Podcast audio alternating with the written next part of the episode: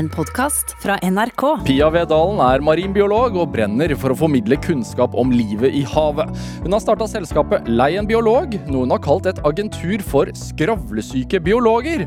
Pia Vedalen uttaler seg ofte i media, var med i TV-programmet Planet Plast på NRK, og i fjor kom hun med boka Verden under vann.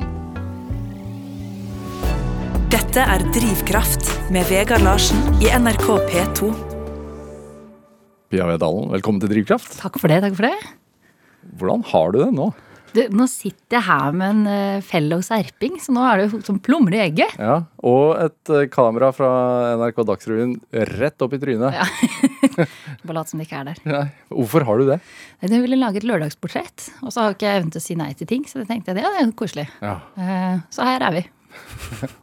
Hmm. Hvorfor er det så vanskelig å si nei? Det tror jeg jeg datt i bakken som barn. Så det, noe, det er noe gammel hjerneskade der sånn, som gjør at uh, det er det, evnen til å si nei til uh, ting, det, den datt ut for lengst. Ja. Mm. Og så er det veldig hyggelig. da, De skal jo snakke og dekke om denne mudringssaken nede i Fredrikstad blant annet. Så vi skal ut i vannet i morgen. Ja. Det blir kjekt. Og hvordan har du starta dagen i dag? I dag starta dagen på hotell, faktisk. Jeg ble sånn diva. For jeg var innom Naturvernforbundet og Natur og Ungdom sitt eh, frokostmøte i forbindelse med søksmålet som de har levert i dag mot staten. Eh, fordi staten er en verna bedrift til tider. Og har, ja, de holder jo fortsatt fram med at det er greit å dumpe gruveavfall i Førdefjorden. Ja. Og fordi jeg ikke hadde lyst til å stå opp klokka Eller jeg, jeg klarer ikke å stå opp halv fem på morgenen og toge inn fra Sarpsborg, så fikk jeg lov til å bo på hotell i natt. ja. Da var det hotellfrokost, minicroissanter, og så rett for å stå og preke i vei om alt jeg syns er gøy under vannet. Hva sier du på sånne møter?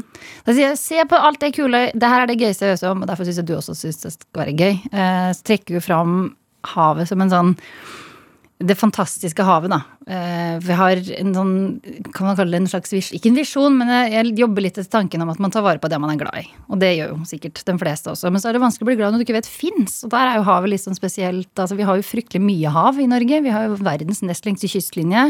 Tror vi rår over sånn seks eller åtte ganger så mye hav som land. Verdens største kaldtvannskorallrev bor oppe i Røst i Lofoten. Verdens, nei, Europas største tareskog står utafor her. Verdens største torskebestand forvalter vi. Vi er jo gamle vikinger, ikke sant? så minus den volta plyndre-greia. Så skal vi fortsette å være havforskere, vi skal være utforskere, vi skal være handelsfolk, vi skal være skipsbyggere, fiskere. Um, men det er jo ikke noe marinbiologi i skolen i dag. Uh, så når vi ber folk om å ta gode valg, så er det jo litt vanskelig å ta de gode valgene når du ikke har noe faktagrunnlag å ta dem på. Så da er det jo litt med det der at uh, løfte opp og frem alt det havet er. Ikke bare økonomisk og økologisk, men også emosjonelt. Det Vi er fra Serp begge to. Ja. Tyta går, uh, Ja, prekere, prekere, prekere. Ja. ja. Men likevel så har du satt liksom en, både en kaffe og en Red Bull foran deg. Ja, jeg er litt sliten for tiden. Det har vært en brutal høst. Så jeg opererer på sånn Det her er jo min, meg på 40% kapasitet. Så når jeg Ja ja, du får tinnitus i fjeset når jeg er på full pupp. Hvordan er det? Eh, å være prekkete, mener du? Ja. Ja, Det må du spørre alle rundt meg. Jeg merker jo ikke noe til det. Men jeg, merka det. jeg kom hjem etter å ha bodd i Bergen en del år. Der er jo Bergen er mitt andre hjem. Jeg følte meg veldig hjemme da jeg kom til et sted med likesinnede, brautete folk. Ja. Eh, men i Bergen så må du jo du må snakke veldig kjapt for å slippe til. For ellers så kommer du ikke til. Så da jeg flytta hjem igjen og var på, på, på, si, satt hjemme med familien, så var det sånn Å, fy faen, nå er det mange ord i sekundet her! Så jeg jobber meg litt ned tilbake i sånn sindig nivå. Men sånn som uh, dette frokostmøtet da, med, med Natur og Ungdom og Naturvernforbundet som du har vært på i dag. Mm. Uh, der er jo Altså, du skal formidle alt det, fortelle om det fine under havet, men, men det er jo et, et alvor i det møtet også. Ja. altså Mitt bidrag der er å snakke litt om denne indre motivasjonen til å ha lyst til å fortsette å ta vare på noe, eller ha lyst til å fortsette å ta den saken, og hvorfor. For vi har veldig flinke i dag til å snakke om hva som går til helvete. For det er, det er mye som gjør nå, og hvilke løsninger vi har på en del av problemene. Og det er også viktig å snakke om. Men så glemmer vi litt den hva og hvorfor midt mellom. Da. Altså hva er det vi skal hjelpe, og hvorfor skal du bry deg? Altså hvorfor skal du endre livet fordi jeg syns rur er kult? ikke sant? Så det handler liksom hva? det rur er kult. Rur? Rur, ja. Hva er det? Det er de her små, hvite vulkanlignende greiene som bor på svaberg og under båtene. Som Åh, vi båteiere de man skraper seg de på. man skraper seg på. Jeg har så mye arr oppi dem. Ruller rundt på rur. Men det er jo fantastisk lite dyr, da. Ja, for det er en levende liten Det er et lite organisme? krepsdyr. Ja. Som sitter opp ned i en sånn liten borg og vifter med beina sine. Så det, jeg vet at mange kaller den for englevink. Eh, så det, det ser jo ut som en sånn litt sånn hva skal jeg kalle det, en sånn skjeletthånd nesten, som vifter litt sånn febrilsk ut. Og at jeg, nå vet jeg, jeg høres veldig sånn Morten Harket ut når jeg sier det, men det å ligge på brygga og stirre på rur, ja. det er veldig meditativt. Det kan jeg gjøre i timevis. Og det er eh, En dag også så jeg faktisk en rur ha sex med en annen rur, og da, da bare eksploderte hodet mitt. Så løp opp til meg. 'Mamma, har sett rur ha sex!' Og så Ja, nå er du snart 30. Kanskje du skal få deg et liv. Nei da, men Hvordan eh, foregår det? det er eh, et veldig morsomt fenomen. For rur er som sagt et lite krepsdyr. Og krepsdyr det er også et av de dyra som sitter hardest fast. Som man kan kalle har det sterkeste limet vi kjenner til. Eh, De har også den lengste penisen sammenlignet med kroppsstørrelse i dyreriket. Så mellom åtte og ti ganger kroppslengden har de. Og det er da fordi krepsdyr har det vi kaller indre befruktning. Så akkurat sånn som oss mennesker så må de poke borti hverandre for å bli gravide. Så når de sitter dønn fast med verdens sterkeste lim, mhm, da er det greit å ha litt poking device. Ja. Og den Jeg elsker det her. Den har det vi kaller for en søkende penis. Og det vet jo alle damer som har vært på byen etter klokka to på en lørdag. vet jo hva det er. Så da kommer det sånn fram. Så da sitter det en liten nese ved den tuppen av av den penisen, så den stikker den opp, og så er det sånn Å, der var et hull! Pukk når du er gravid. Eller pukk når du er gravid. Um, og de er hermafroditter, altså de har både kvinnelige og handlige kjønnsorganer tilgjengelig. Så den Ja. trenger bare å finne en som har glemt å lokke igjen lokket, og så er liksom Her kommer jeg. Men kan ikke poke i seg sjæl? Det kan den sikkert gjøre også, men det er ikke noe vits når det er masse andre i nærheten. Ja. Så det, that's how Ruud does it. Ja, da koser du deg.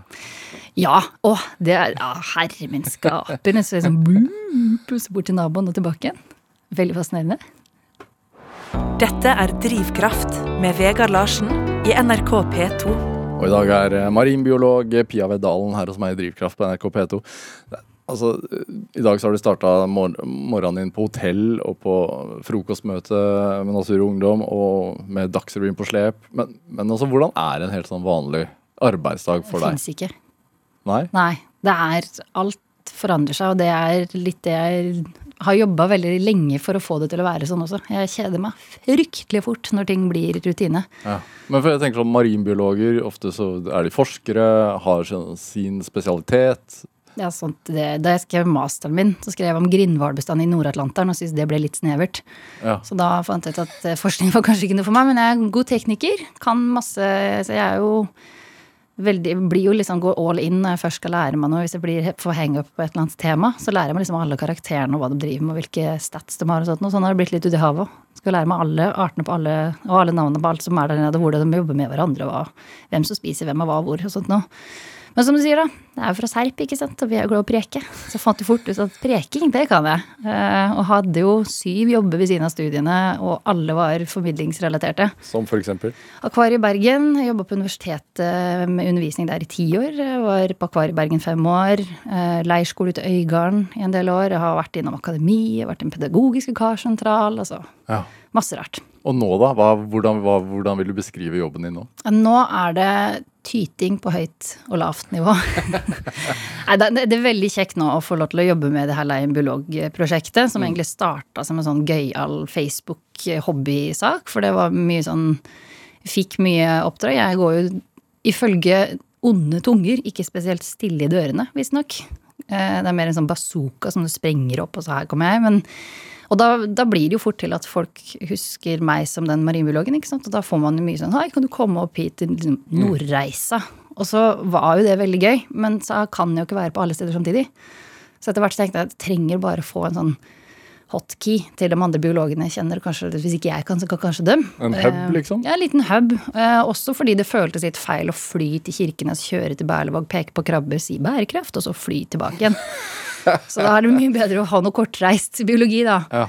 Så har det Når, når starta du dette her? Ja, det her starta vel oppi hodet mitt, i hvert fall. I 2017-18, kanskje. Ja. Så møtte jeg en som heter Kaja Lønne Fjærtoft, som um, i 2018 Og så, da var jeg på vei ned i form. Da gikk jeg på en kanonsmell.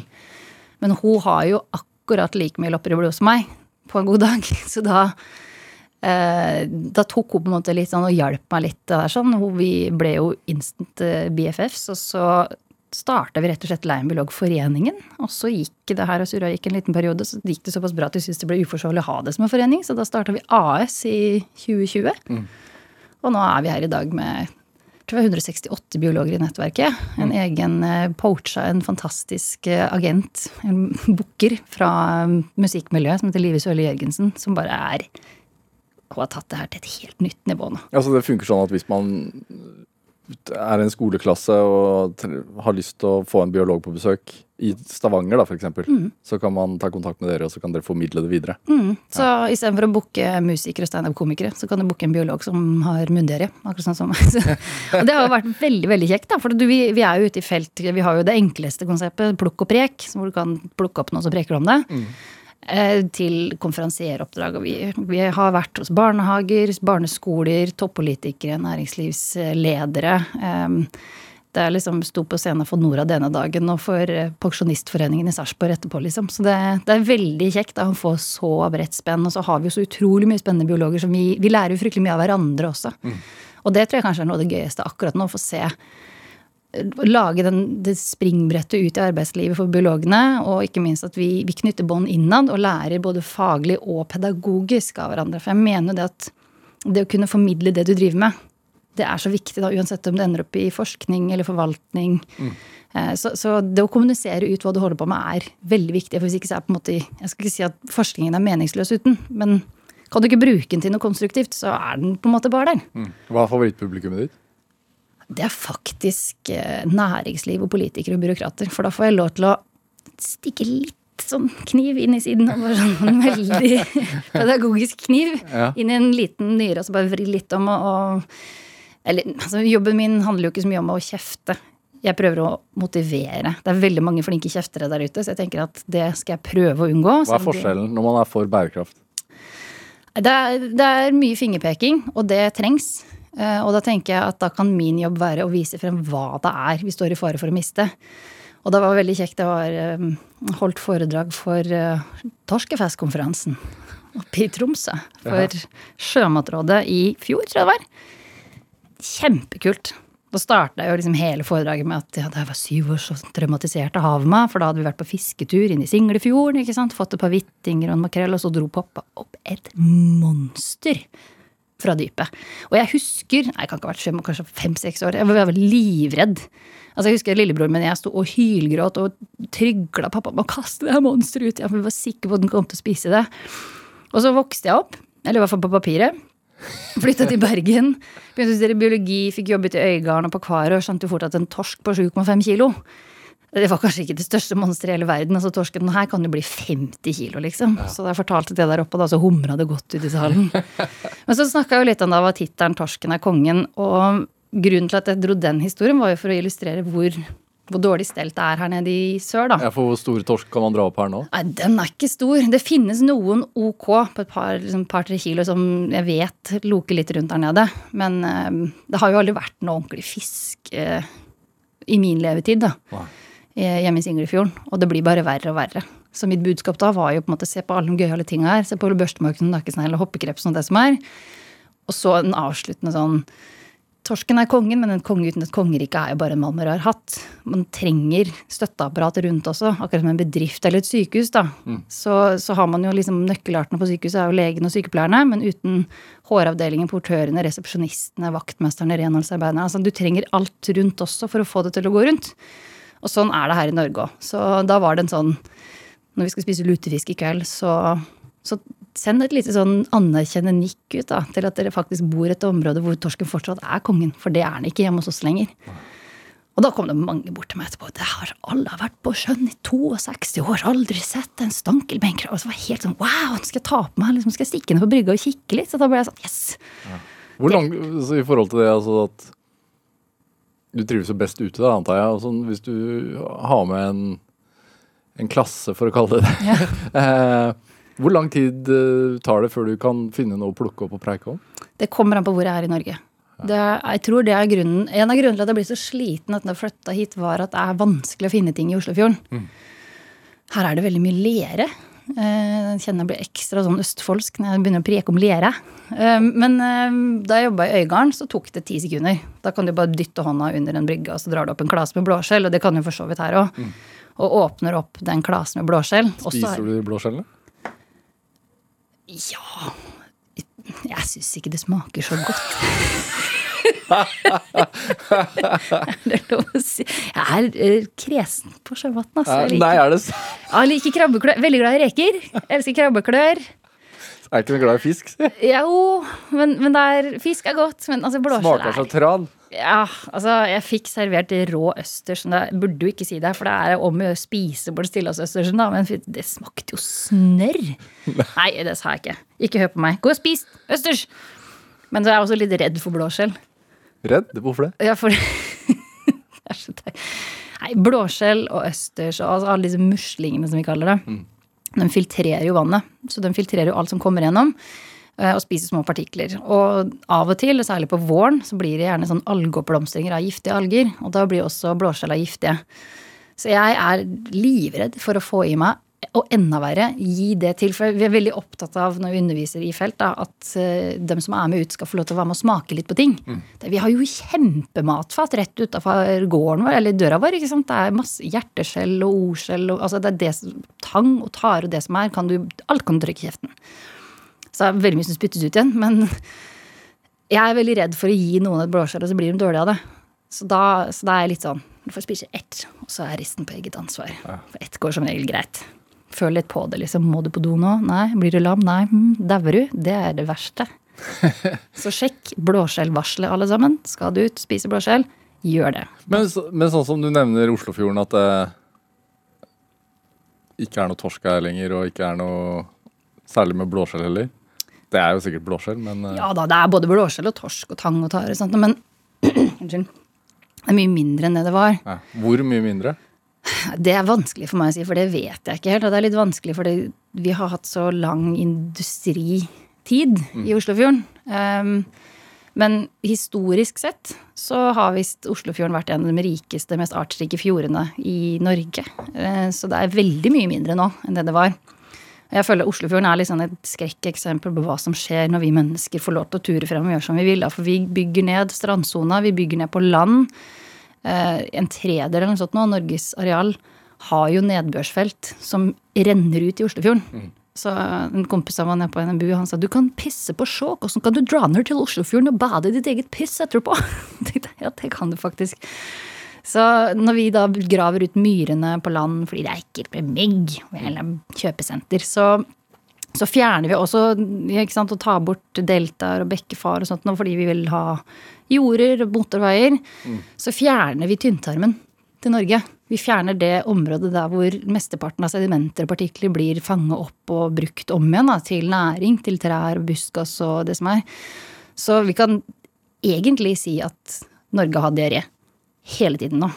Og alt den driten renner ut i Oslofjorden. Enten via Glomma nede i Østfold eller ved Akerselva, Alla eller. Altså, det er fryktelig mye store elver som renner ut i indre Oslofjord også. Og så er det noe problem med at så og så mange kommuner har renseanlegg, og så og så mange har det ikke. Ja, og så er det Det er liksom er komplisert og på godt og vondt, da. Jeg tenker at eh, vi er veldig glad i sånn én utfordring, én løsning. Men her er det masse små utfordringer. Vi har den utbyggingen på land, vi har utbygging i strandsona. Vi har overfiske, mennesker som tar seg til rette overalt. Jævlig mye båndstoff. Massevis av eh, fritidsbåter med septik som de dumper i fjorden. Og særlig indre Oslofjord og inne i Singlefjorden hos oss. Så er det veldig lite vannutskifting. Så det hjelper liksom ikke å dra 300 meter fra land når du fortsatt er i et lukka basseng. Det er liksom, ja, Bader du i et svømmebasseng, så det er hjelper et ganske ikke svømme trangt øh, Ja. Ja. altså, mm. Drøbaksundet er smalt. Og så ikke sant, med renseanleggene som flommer over når det blir for mye regn. Eh, gift som pumpes uti. Det, altså, det er så mye sånne småting. Eh, og nå har vi nå et sånt terskelpunkt hvor det blir altså, en selvforsterkende sirkel. Da. Det er lite dyr, i, eller lite dyr planteliv i eh, sjøen. Alger heter det, ikke planter. Eh, Og når den forsvinner, så forsvinner jo også mottaksapparatet om man kan kalle det, for partiklene som kommer til. Så hvis vi tar det som den største utfordringen akkurat nå, da, så jo mer eh, tang, tare og dyreliv som blir borte, jo mer partikler er det som vil bli værende, som gjør det da enda kjipere for tangen og taren som er igjen, så enda mer blir borte. Så det blir sånn feedback loop, som det så fint heter. Og det, det må vi gjøre. Det, det Hvor krise er det? helt fullstendig. Det, nei, altså det er som sagt, det finnes liv der. Eh, så, så når jeg snakker om at fjorden er død, så mener jo ikke jeg at den er klinisk tom for liv, men den er død sammenlignet med sånn som den burde vært, da. Ja.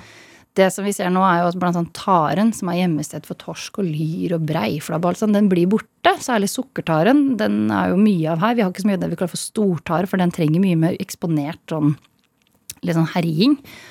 Um, så sukkertaren, for eksempel, den trives ikke når det blir for varmt. Og her blir det Ja, jeg er fra Østfold, vi har jo lov å banne. Det blir jævlig varmt her på sommeren. Det er jo, Jeg målte 27 grader i overflate på hytta mi i, i fjor sommer. Um, så den trives ikke der oppe, men der nede hvor det er kaldt nok, da blir det gjerne for mørkt.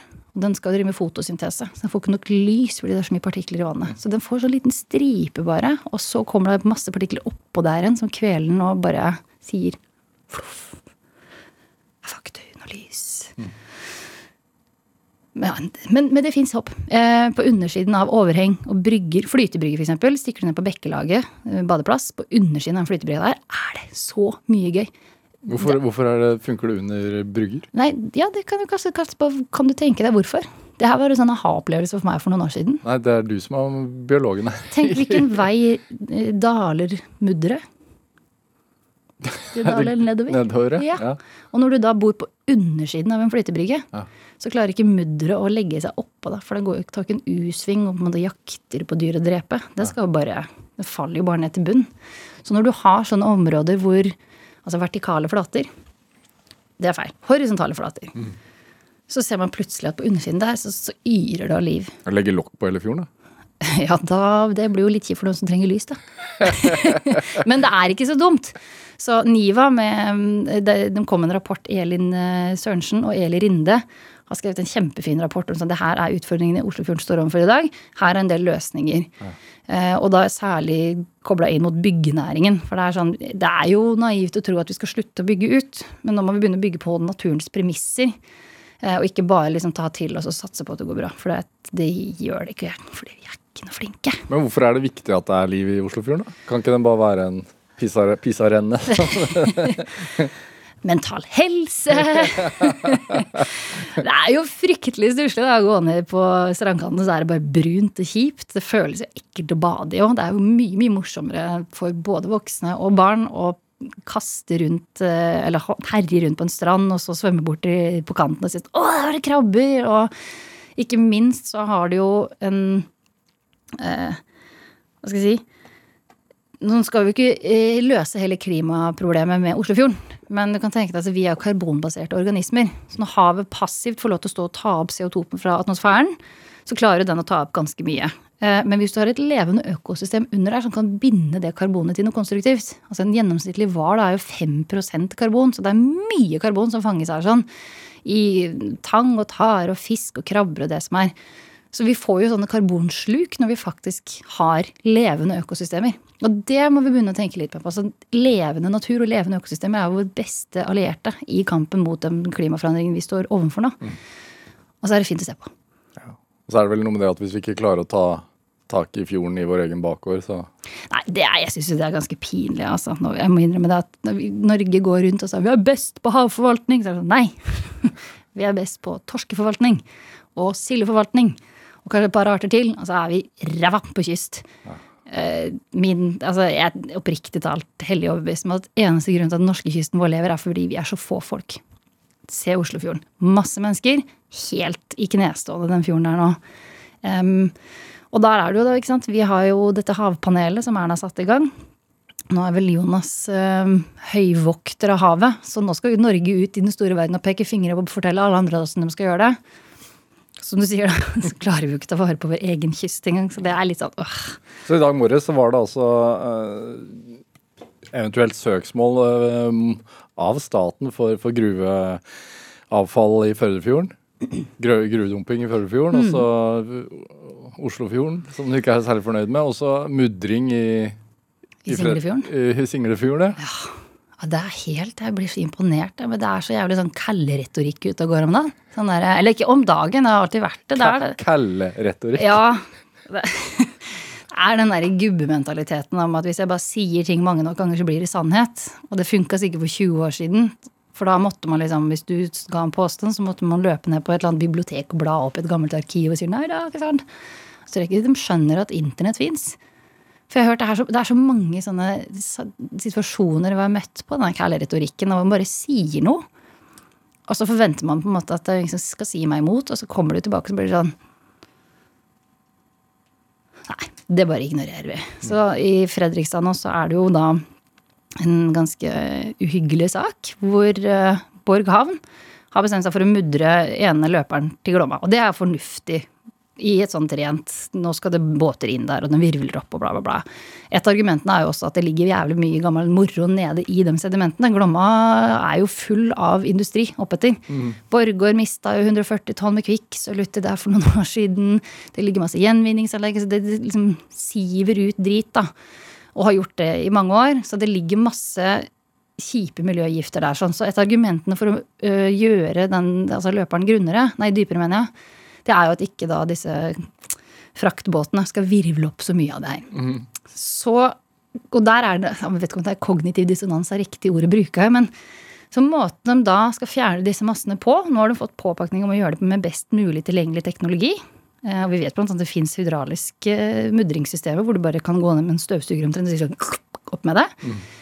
Så går de da ut nå med gravemaskin.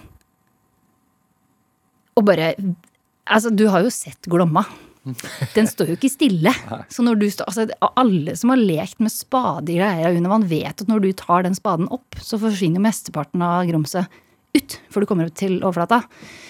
Så selv om en grav så går igjen, da, men der er det jo masse hull for vannet skal ut. ikke sant? Så nå er de jo i gang nå med å herje fritt. Og så, for å gjøre ting enda verre, så har de fått tillatelse til å dumpe mesteparten av det her tilbake igjen i fjorden inni et, altså Det er et av de 14 feltene hvor det er totalforbud for fisken og torsken skal gyte. Mm. Det er et fuglefredningsområde der, det er et naturreservat der, det er et hummerreservat rett i området. Så da Hvaler dro på nødbremsen i Ja, det er ikke lenge sia. Og da, for det var egentlig på Hvaler de skulle dumpe det. Eh, og da flytta den det bare inn på Fredrikstad-sida av grensa istedenfor. Akkurat som det mudderet bryr seg om den stripene vi kaller grenser. Liksom. Så det er ganske håpløst. Der, og da mener jeg kælleretorikken, for at de har gått ut og bare sånn Nei, nei. Vi har gjort massive utredninger og bla, bla, bla. Pia Vedalen, hvor, hvor opprørt blir du? Jeg blir skikkelig sint. Det er litt godt òg, for nå har jeg gått fire og et halvt år i en sånn ganske dyp depresjon. Så det er jo deilig å føle noe igjen. Ikke sånn apati, men jeg blir sånn Nei, jeg blir bare sur. Og så blir jeg litt sånn Jeg blir, så, jeg blir flau over at vi nå i 2022 bruker samme liksom, redskapene som jeg brukte da jeg skulle lage sandslott som femåring. Ja. Uh, og så blir jeg, jeg blir provosert over arrogansen. Um, at den er bare her kan jeg bare ta meg til rette, for jeg har mer penger enn deg. Og det, det er den, den var det en del snakk om nå i, på det frokostmøtet. At det koster helt sinnssykt mye å gå til sak mot noe som helst. Da. Uh, det er ikke tilgjengelig for de fleste normale mennesker. Så du må på en måte ha et ganske sterkt pengeapparat og system i ryggen, og det er det jo veldig få som har. Da passer det kanskje også å spille litt med Borger? Å, herregud, ja. ja.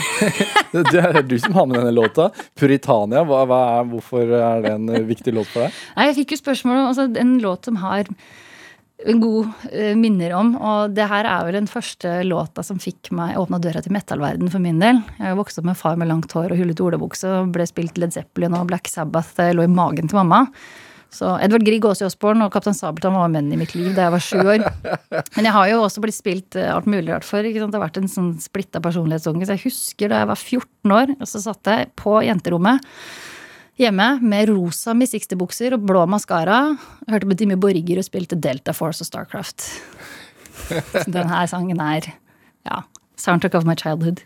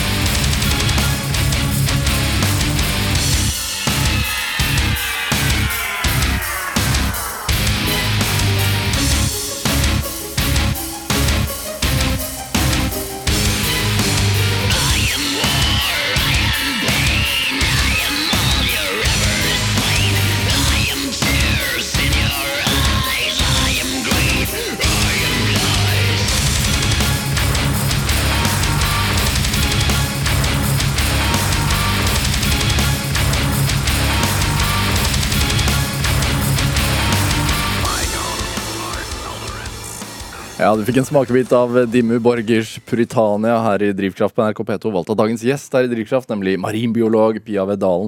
Er det sånn det er inni huet ditt? Ja. det er det. Åh, den sangen gir meg så mye energi. Og sånn, jeg står på snowboard og har litt sånn tappa, så setter på den, og så blir jeg sånn ja! Skal bare gasse ned bakken så fort jeg kan. Du, du har vært eh, Du har nevnt at du er fra Sarpsborg. Hvor i Sarpsborg er du fra? Oppsund. Hva slags sted er det? Det er en eh, ja, en halvøy. Eh, Norsklæreren min på ungdomsskolen kalte det en getto. Men ikke en sånn getto som vi tenker på en getto, men det er bare én vei inn og én vei ut. Som er, nei, getto blir feil. Hva var det du kalte det? Ja, samme det. Det er verdens tryggeste sted. Ja. Eller var i hvert fall det å vokse opp. Jeg kunne gå hjemmefra med døra åpen og med nøkkelen i døra omtrent, og være borte i flere timer, og så sånn var det.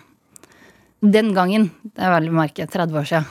Men, så skal ikke si sånn er det nå. Litt er sånn uh, eventyrlystent barn? Ja, jeg fikk jo gleden av å vokse opp rett ved siden av fotballbanen der. sånn, og En del av den fotballbanetomta hadde jo en bitte liten sånn skog. En sånn liten 100-meterskog. Så vi klatra mye, kravla unna gjerdet der og klatra opp i trærne og sånt. Og så var det jo golfbanen også rett ved, så vi fikk lov til å herje rundt i trærne og ake på akebrett og sånt på sommeren. Nei, vinteren, mener jeg. Eh, og så er jeg veldig glad for at vi fikk lov til å bare herje fritt. Men jeg har vært mest ute på hytta da, når jeg løper opp og ned og klatrer i fjellvegger og på trær og Hvor er den? i Ullerøy. Ja. Så det er jo mitt barndomsparadis. Der hadde bestemor og bestefar en hytte. Og så fikk jo dem barn som sånn igjen fikk barn, så da kjøpte mamma og pappa hytta rett overfor dem igjen. Og så noen år senere så kjøpte storesøster til pappa hytta ved siden av deg. Så, og, så jeg har fått en sånn, Det var et fantastisk barndomssted. Altså bestemor og bestefar pleide å passe på oss ungene. Men foreldrene foreldra våre var på jobb, og da kunne vi få lov til å ja, løpe rundt i skauen sånn. Fikk jo min første kniv da jeg var sånn fem-seks år og var sånn Ikke spikk mot deg! Og så spikka jeg mot meg, så at det skal jeg ikke gjøre. og så, så løp vi liksom rundt der og lagde trehytter og ja. fanga insekter. Og bestefar hadde et sånt gammelt mikroskop som nå står i hylla mi til Odla. Jeg er så glad for at jeg fikk arve det. Hvor vi da pleide å fange små biller og sånt og putte det under der. Hvorfor hadde han det? Bestefar var kjemiingeniør. Og veldig interessert i natur. Så han hadde også en sånn tjukk bok som het eh, Naturhåndboka. Eller noe sånt. Og den måtte vi jo lime i ryggen omtrent en gang i året. For den, den bladde vi mye i. Så masse fine bilder av insekter og edderkopper og fisk og fugl og det som er. Og han formidler også? Eh, på veldig lokalt eh, Jo, men for dere, for dere ungene? Ja, jeg kan ikke huske han som noe sånn voldsomt stor. Jeg husker jeg snakka mye med han da jeg var inne, begynte å komme inn i naturfagsverdenen på ungdomsskolen og videregående. Men i barndommen så tror jeg vi bare fikk lov til å finne ut av ting sjøl. Ja. Hva var det som var så fascinerende med småkrypverdenen? alt. Åh, det så, altså jeg er veldig fantasy- og science fiction-fan. Og naturen er jo altså Du skal jo ikke lenger ut enn løfte opp litt torvmose. Og, eller bare kikke under en rot, så har du så mye rart. Og havet er jo Det er jo verdensrommet. Du er vektløs. Du har Altså Jeg liker å se på evolusjonen som en litt sånn småtjukk mann som het Frank. Da. Jeg tror Frank tok mye LSD da han lagde havet. For der er det så sjukt mye rare former og farger og funksjoner. og Altså, du kommer ned der, så blir du bare møtt med en sånn eksplosjon av nakensnegler og fargerike anemoner. Altså, anemoner er jo huset til Nemo fra den filmen Oppdag Nemo. Det er mer eller mindre bare en brennmanet som har velta opp ned og ikke kommet seg opp igjen. Så den sitter bare der og vifter med sånne fargerike, flotte tentakler. Eh, og det finnes knallrosa alger på havbunnen. Eh, vi har sjøpung. Det syns jeg er et fantastisk navn. Eh, som vokser alt fra sånn kondomlignende kvapsete buketter til sånn stjernelignende matter som er sånn skikkelig myke og fine å ta på. Det er så pent. Og så svømmer det da blå fisker og grønne fisker og lilla og rosa og alt mulig rart rundt der nede. Er det og også Bestefaren din var da kjemiingeniør. Hva, hva drev moren og faren din med? Eh, mamma er lærer, pappa er elektriker. Ja. Så de må ha vært eh, Ja, de har nok ikke hatt like mye kompetanse, men mamma har vært veldig glad i å jeg tror, jeg, jeg tror Formidlings- formidlingsbiten har kommet fra hennes eh, ståsted. Hun har vært veldig pedagogisk med oss. Hva slags lærer? Barneskolelærer. Ja. Så hun er eh, en av mine største helter, altså. Hun jobba i barnehage før det. Det har jeg gjort også. Det var de lengste åtte timene i mitt liv. Det var, skal jeg alltid gjøre. Det, fy fader, folk som jobber i barnehage på barneskolen, er helt rå. Jeg, kan ikke Å! Og det er så viktig. Så bare å, All kjærlighet i verden sendes nå ut til dere som jobber der. Altså, fy fader, for en jobb dere gjør. Ja, Det kan jeg faktisk skrive under på. Ja. Jeg har to barn i barnehage. Ja. Men hva slags formidlingstriks lærte hun deg? Jeg, det er litt usikker. Jeg tror ikke hun har hatt noen sånn konkret plan om det. Men jeg tror eh, hun har vært veldig flink til å se um, dem rundt seg. Og utrolig god på å inkludere. Og, og, det tror jeg på en måte bare har blitt en del av sånn det skal være. Det fikk jeg kommentar på da jeg jobba på leirskolen. At du var så flink til å se med en gang det var en som falt litt utafor. Liksom. På leirskolen? På leirskolen, ja. Eh, I, eller i grupper generelt, da. Ja. Um, og den, den evnen til å Eh, få med alle um, Eller i hvert fall få alle til å føle seg sett, da, den tror jeg kommer fra, fra mamma. Hun hadde jo blant annet jeg husker det var to kids eh, som var hjemme hos oss hver tirsdag, og jeg syntes det her var dritslitsomt, for de skulle bare spille på trommesettet til broderen. ikke sant? Men så viser det seg at det her er unger som har det kjipt hjemme. Som da fikk lov til å komme og være et annet sted. Um, så, så den Ja den der evnen, og ikke minst det der å vite litt at Eller ikke vite alt om en annen person, men det å vite at um, alle er ikke like, og alle kommer fra veldig forskjellige bakgrunner. Så det at en person er utagerende og kjip og slenger med leppa og er voldelig, betyr jo ikke nødvendigvis at den personen er ond. Men kanskje den bare er veldig usikker på seg selv. Kanskje er, eh, ja, kanskje er vedkommende har det kjipt hjemme. Eh, har opplevd noen vonde ting. og fått traume. Altså, ja. Så hvordan, det er mye greier. Hvordan var du da, som barn? Jeg var mye. har jeg fått høre. Hvordan da? Nei, det, eh, Den eneste kommentaren jeg kan huske at mamma har fortalt om fra den første eller andre sånn, samtalen med læreren min på barneskolen, var vel at flink på skolen, men det er mye bevegelse. Så det var mye fikling med ting. Jeg klarte ikke å sitte stille. Alt å tegne på noe. Veldig lettdistrahert. Mm. Men uh, samtidig hyperfokus på en del ting, da. Så har jeg jo nå i løpet av det siste kanskje halvannet året blitt eh, gjort oppmerksom på at jeg har nok alle bokstavkombinasjoner som eksisterer på denne siden av Madagaskar oppi huet mitt. Mm. Sikkert flere alfabeter òg. Hvordan er det oppi huet? Mm, det, det, er mye. Det er jo Nei, det er litt sånn um, det er liksom Jeg liker å si at det er 20 Chrome-faner som er åpne samtidig. Tre av dem spiller musikk, selvfølgelig forskjellige, sang, forskjellige sanger. Eh, og så er det sånn syv-åtte samtaler gående i bakhuet til enhver tid om alt fra kake til kvantefysikk. Og så har du den lille apen med de to symbolene som går sånn Jeg kjeder meg! Ja. Så det er veldig mye bakgrunnsstøy. Så jeg har jo jeg er veldig glad for at jeg har fått lov til å utfolde meg, sånn som jeg har fått lov til å gjøre i både barndommen og ungdomstiden og i voksen alder også. For jeg tror at det her fort kunne gått en annen vei. Jeg har jo skjønt det sånn at uh, når det er mye bråk i hodet, så hender det jo at man selvmedisinerer, eller man selvmedisinerer seg sjøl selv til tider. Eh, noen gjør det med rus, og andre gjør det ved å få utløp for prosjekter. Jeg er veldig glad for at jeg har fått muligheten til å gå den prosjektveien. Mm. Så fått lov til å leke med ting, bygge ting. Idrett. Idrett var jo innom golf, fotball Nei, fotball har vi aldri spilt. Golf, riding, hockey, håndball. Um, piano. Sporten piano. Um, herregud. Kampsport, altså på rulleskøyter, på skateboard, snowboard, wakeboard. Gikk idrettslinja? Jeg gikk idrettslinja. Ja. ja, da skulle jeg bli jagerflypilot. jeg var i Heimevernet i 10. klasse i arbeidsuka og tenkte det her var gøy! Få lov til å løpe rundt midt Vi var på Meshen midt på natta og var ute i 16 minusgrader og sov ute i, i lavvo. Det var kjempemoro. Men eh, etter tre måneder på yrkeslinja så innså jeg at jeg for det første er for lat til å bli jagerflypilot. Altså, jeg skal jo ikke inn i militæret. Jeg klarer jo ikke ta imot ordre om jeg hadde fått betalt for det. Og så har jeg ikke lyst til å ta livet av noen. Og det skjønte jeg også etter hvert at kanskje var en, en, en del av det her med å bli jagerflypilot. Da. Så da utgikk det. Ja. Det, Når man har hva skal man si, alle de Chrome-fanene, som du kalte det. Altså mm. åpne i hodet samtidig, og man har et energinivå. Kan man bare holde på?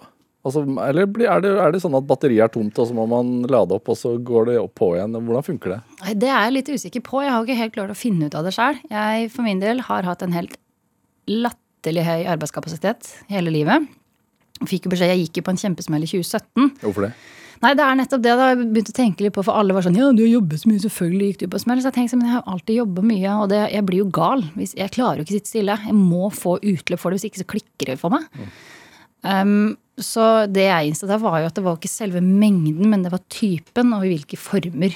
Så det ble på en måte trøkka nedover en sånn Jeg ble putta litt i noen, noen rammer som jeg ikke ville være i, som jeg hadde gitt beskjed om på forhånd at skal vi gjøre det her sånn, så skal jeg jobbe få lov til å få litt utløp for, for det kreative og det liksom kreative kaoset, da.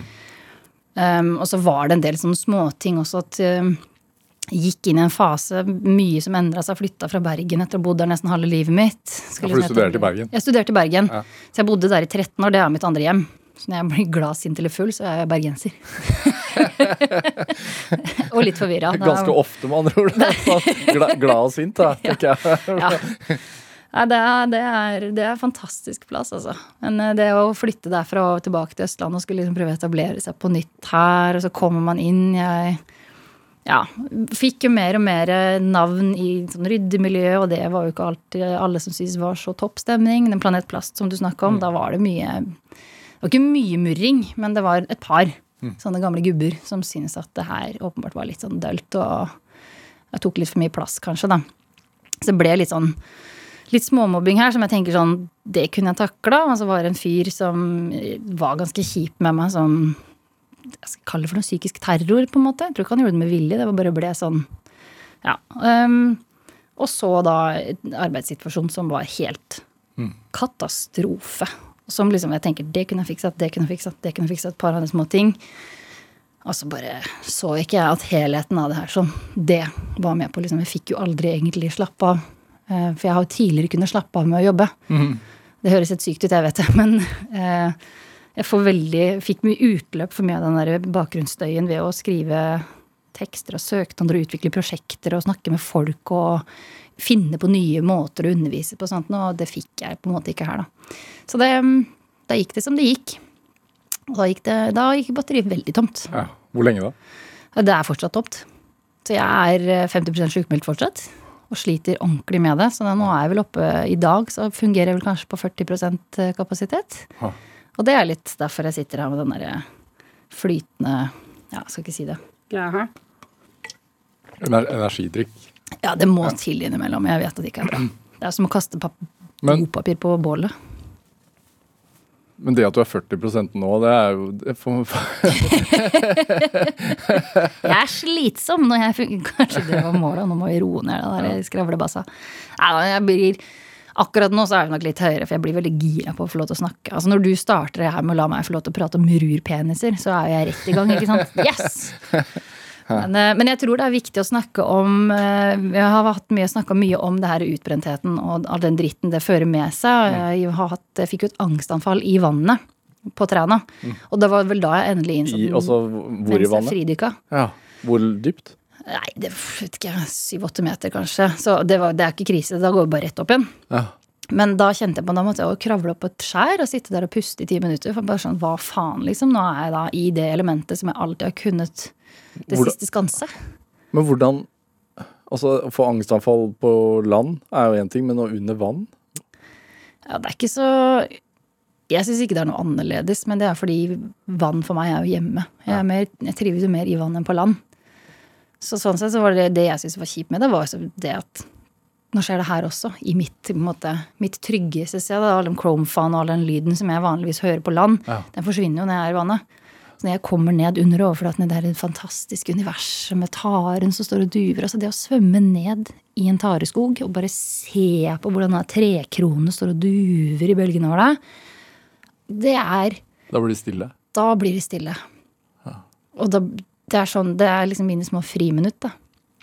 Så det å, å, oppleve noe sånt der, det, det satt spor. Så det er ikke mer enn et par år siden jeg klarte å ta Ja, i for, nei, i fjor var faktisk første sommeren hvor jeg kjente på at nå klarer jeg å slappe helt av i vannet igjen. Ja. Så det hadde lang tid, og det var ganske vondt. For måtte da, tvinge deg til det? Jeg måtte tvinge meg.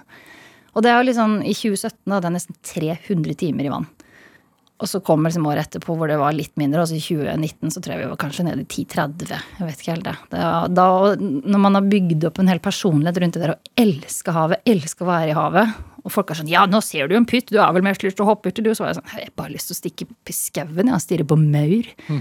Jeg hadde ikke lyst til å prate om havet, jeg hadde ikke lyst til å lære om havet, jeg hadde ikke lyst til å være i eller ved havet. Jeg hadde bare lyst til å ligge stille. Um, ja, spille PlayStation. Det gjør jeg for så vidt fortsatt, da. Men uh, det, det, var, jeg hadde litt identitetskrise der. Og det var litt vondt. Så jeg er veldig glad for at den begynner å komme tilbake nå. Nå kjenner jeg at nå koser jeg meg med å lese nye ting om havet, lære nye ting om havet. For det var i hvert fall fire år der hvor det var bare sånn. Men hvordan jobber man seg ut av det? Ja, det har vært dritvanskelig. Eh, jeg var jo, fikk en sånn uheldig kombinasjon av depresjon og angst på ene siden. Som en god måte å komme ut av særlig depresjon er jo den klisjéaktige 'bare komme deg ut'. Men det å være i bevegelse og komme seg ut og være i naturen spesielt, da. Mm. Men så hadde jeg utmattelse på andre siden, og det er den jeg sliter mest med nå. At jeg, jeg blir dårligere av å gå en tur. Den var litt vanskelig, for dem to der drev jo hele tiden sånn Drar i hverandre. Ja, ikke sant. Er det depresjonen som skal få jobbe i dag, eller er det utmattelsen som skal få jobbe? Og det, det som har vist seg nå, er at hvis jeg pusher meg gjennom en depresjonssliten dag, så blir jeg bedre. Hvis jeg pusher meg gjennom en utmatta sliten dag, så blir jeg dårligere. Da kan jeg ligge tre dager på sofaen etterpå og bare ikke klare å ha på lys eller lyd. Ingenting. Det er helt krise. Og så er det litt vanskelig å skille mellom dem to. Så det er litt sånn gambling innimellom. Oi sånn. Så det har tatt lang tid. Ja. Men jeg har jobba mye kognitivt, mye jobba med, med psykolog, lest en del. Spilt fryktelig mye PlayStation. Det har vært et Jeg har alltid vært glad i å spille spill, men da var det bare sånn legge seg på sofaen da og bruke en hel vinter på bare nå skal jeg bare gjøre det her. Det har vært litt, det har vært godt. Fordi at det er meditasjon, på en måte? Ja, da får jeg liksom fri fra huet mitt, føler jeg. Ja. Og det Ja. Nei, spilling er um, Det kan være destruktivt hvis du er kjempeuheldig, men jeg tror i de aller fleste tilfellene så er det bare det, det lille, fine, deilige friminuttet mange av oss trenger fra hverdagen. Hvor du kan springe rundt. Jeg fant jo Horizon Zero Dawn. Det er så fantastisk. ja, der er du bare robotdyr. Ja. Du springer bare rundt og blir kompis med svære robot... Altså, nei, det er et fantastisk spill. Ja, nei, no, det var digresjon. Sorry. Men uh, det er mange veier tilbake fra noe sånt, og jeg tror alle er forskjellige fra person til person. Men det er en lang vei å gå, og jeg er ikke i mål ennå. Ja, men kom det uventa, så er det litt sånn uh, Man tenker jo aldri at det skal skje én hvis man ikke har opplevd noe sånt før. Nei, og det, det, det, har vært litt viktig for meg å prøve å formidle ut sånn Se på varselsignalene. Mm. Jeg la ut en post i var det 2018, for da var jeg så jævlig sliten og bare kjente at nå orker jeg ikke mer. Og jeg var også veldig sliten og lei meg fordi jeg ikke hadde klart å følge opp på en del av de prosjektene som jeg har vært i gang med. Og jeg har vært veldig alltid klart å levere på det meste, liksom, men der bare faila jeg så veldig, syns jeg. Så istedenfor å sende melding til alle personlig, så tenkte jeg bare sånn jeg bare sender ut en melding, sier hei, verden. Nå er jeg utbrent. Mm. Nå er jeg sliten. Jeg er dritdeprimert. Så sorry til alle sammen jeg har svikta. Eh, og tenkte vel egentlig at det skulle være min sånn unnskyld. Og så fikk jeg så mye tilbakemelding fra folk som var sånn Jeg har vært der, jeg var på vei inn i det. Altså, du, altså, det var sånn Wow, her er det mange. Ja. Ekstremt mange mennesker som snuser på den infamøse veggen. Da. Så begynte det å bli litt sånn hver gang jeg har ikke noe som ligner på impulskontroll. Det meste jeg legger ut, er liksom sånn Nå føler jeg bare for å skrive et eller annet. Og da var det mye sånn Jeg opplevde det litt som sutring, men tilbakemeldingene var Oi, der klarte du å sette ord på noe som jeg har følt mye på, men ikke helt klart å sette fingeren på. Ja. Uh, og så ble jeg, tenkte jeg med meg sånn Her kan jeg faktisk bruke si mine venner eller sosiale medier da, til å snakke litt om hvordan det oppleves. Um, ikke bare for min egen Det var deilig å få utslipp. altså Det å snakke om det her er jo så viktig. Men det å fortelle andre mennesker hva slags varselsignaler som kan også, Hadde jeg visst hva angst var, mm. så hadde jeg nok plukka opp det her kjempelenge. Eller mye lenge før det faktisk sa pang. Hadde jeg visst hva depresjon opplevdes som, så hadde jeg jo kanskje gjort det. Hadde jeg visst hvordan jeg skulle håndtere alle de bokstavene oppi huet mitt, da, i jobbsammenheng f.eks. Eh, så hadde jeg, og ikke minst snakke med folk som har ansvar for andre mennesker. Fordi, og det har vi snakka mye om innad i ja, litt forskjellige vennegjenger og sånn. Men vi har jo Jeg har på en måte jobba mye for at folk skal selv lære seg å ta vare på seg sjøl. For mm. den derre 'Du må jo passe på å ikke brenne lys i begge ender', det er sånn, det går inn i ene øret og ut i andre. Så det er mye mer konstruktivt å si sånn Her er konkrete ting å være obs på. Ja, Hva er det? Hva, nei, det er de herre ting du syns er gøy, plutselig ikke er gøy lenger. Sånn som når jeg måtte ha fem-seks iskaffe for å komme meg gjennom to timer med undervisning i fjæra beste jeg vet i hele verden. Ja. Jeg koste meg ikke i det hele tatt. Jeg slutta å bry meg om nye saker. Jeg slutta å være interessert i å lære. Jeg slutta å være interessert i folk. Jeg er verdens mest nysgjerrige menneske. Kan jo sitte og grave inn i et kadaver, liksom. Etter, på jakt etter personligheten. Men, Så det er mange sånne ting, og ikke minst det her med Hvis du våkner flere dager på rad og er hvis du, ikke, hvis du kan sove 10-12 timer og fortsatt er sliten, så begynner det å være noen sånne alarmer. Får du den tåkejern, den, den har vært det kjipeste, syns jeg. For jeg, jo, jeg er veldig glad i å skjønne hvordan ting funker. Men når hjernen min ikke klarer å fungere til å finne ut hvordan ting funker, hvis du skjønner, så, så blir det sånn Fader heller, er jeg blitt helt dum? Hva, hva skjedde nå, liksom? Altså, jeg har sunket 20-30 IQ-poeng, og det viser seg jo at når man får disse her eh, mentale greiene, så spiser det bort mye av det kognitive maskineriet. Mm. Så den derre hjernetåka, den tror jeg mange skal være litt sånn hvis den kommer litt for ofte. For den skjer jo innimellom. Men sånn som men Passer du på deg selv, da? Altså sånn, Nå gjør jeg det. Fordi det er ikke så mange ukene siden du var på Nytt på Nytt. I dag har du vært på frokostmøte. Dagsrevyen følger deg med et kamerateam. Du sitter her. Mm. Jeg har hatt tre dager med lading nå. Ja. Å ligge på sofaen og spille PlayStation og pusle puslespill og gått en tur i skogen. Um, tatt på noen trær. Klemt på noen trær. Det var flott å ta litt på barka veldig godt. ja. og lest litt bok. Og så bare sona ut og liksom forsvunnet i noen andre systemer. Men jeg, er blitt flinkere nå etter hvert til å dosere ut litt. Er det derfor også du har flytta tilbake til Sarpsborg? Ja, det er det. Så det er tre sånne store ting jeg har gjort her i livet. Det er uh, trekke meg bort fra de prosjektene som brant meg ut i utgangspunktet. Det tok altfor lang tid for meg å innse at jeg kunne gjøre det. Ja. Uh, så var det å flytte hjem til Sarpsborg. for jeg bodde jo her i Oslo en periode. Elska det ute på Romsås. Fantastisk plass. Men det er for mye folk. Jeg blir stressa av mennesker. Så jeg liker mennesker, men ikke folk, da, kan man si. Så når mennesker blir til så store mengder at det blir folk, så blir det sånn åh, det her orker jeg ikke. Eh, og så var det det å ansette Live da, til å styre sjappa. Så hun, er, hun styrer noe med jernhånd og styrer min kalender. Og er liksom bufferen mellom meg og verden nå, egentlig. Så hvis noen vil ha tak i meg, så er det via hun. Fordi hun kan sile litt og ta den innledende dialogen på mange plan da, for både meg og resten av biologene også. Og det å vite at der sitter en nyttig, ryddig, god person og kan gjøre sånn at andre, biologene også får en bra opplevelse av det her. Det er sånn, det er deilig, for da kan jeg få lov til å bare være meg. Hva? Da, ja. ja. Hva skulle du si?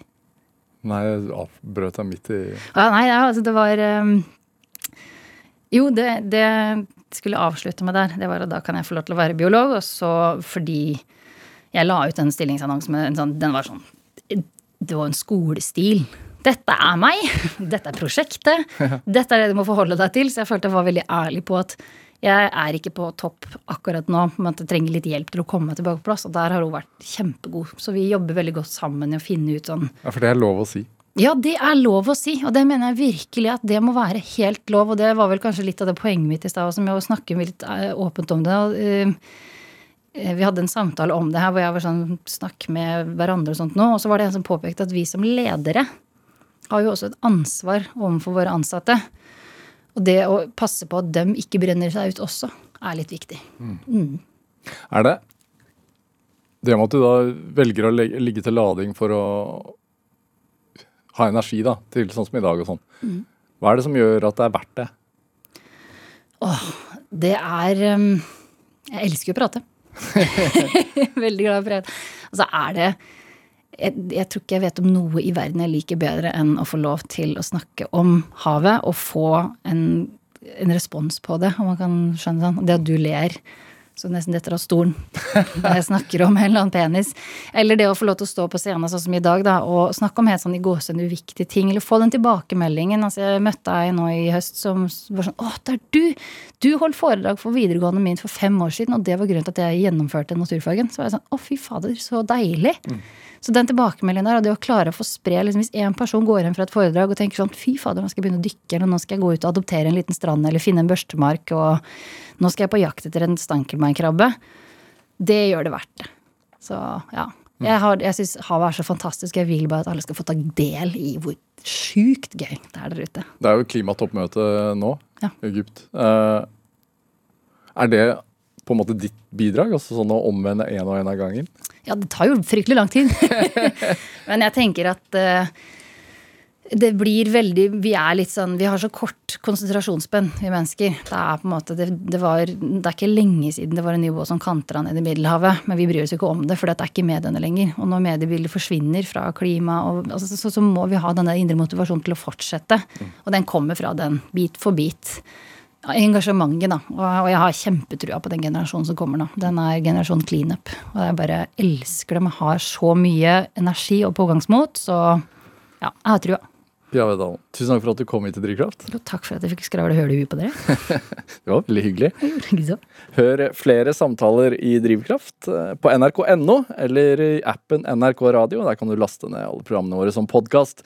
Send oss gjerne ris og, eller ros, og også tips til mennesker som du mener har drivkraft. Send den e-posten til drivkraft.krøllalfa.nrk.no. Vi hører veldig gjerne fra deg. Produsent i dag det var Kjartan Aarsand, mens Ellen Foss Sørensen gjorde research til eh, denne sendingen. Men dette, dette var Drivkraft. Jeg heter Vega Larsen. Vi høres. En podkast fra NRK. Hva gjør du hvis noen har gjort noe helt utilgivelig? Som f.eks. å kjøre deg ned i rusa tilstand og skade deg for livet? Det virka som hun ikke var brydd i hele tatt. Hva er det for person? Eller hvis naboen fjerner hekken din? De irriterer meg noe jævlig. Det er liksom den arrogansen. Møt mennesker som har kommet i kontakt med Konfliktrådet med ønske om å kunne gi slipp på det vanskelige. Det her er en sånn situasjon som jeg eh, skulle ønske liksom ikke hadde hendt. Utilgivelig hører du kun i appen NRK Radio.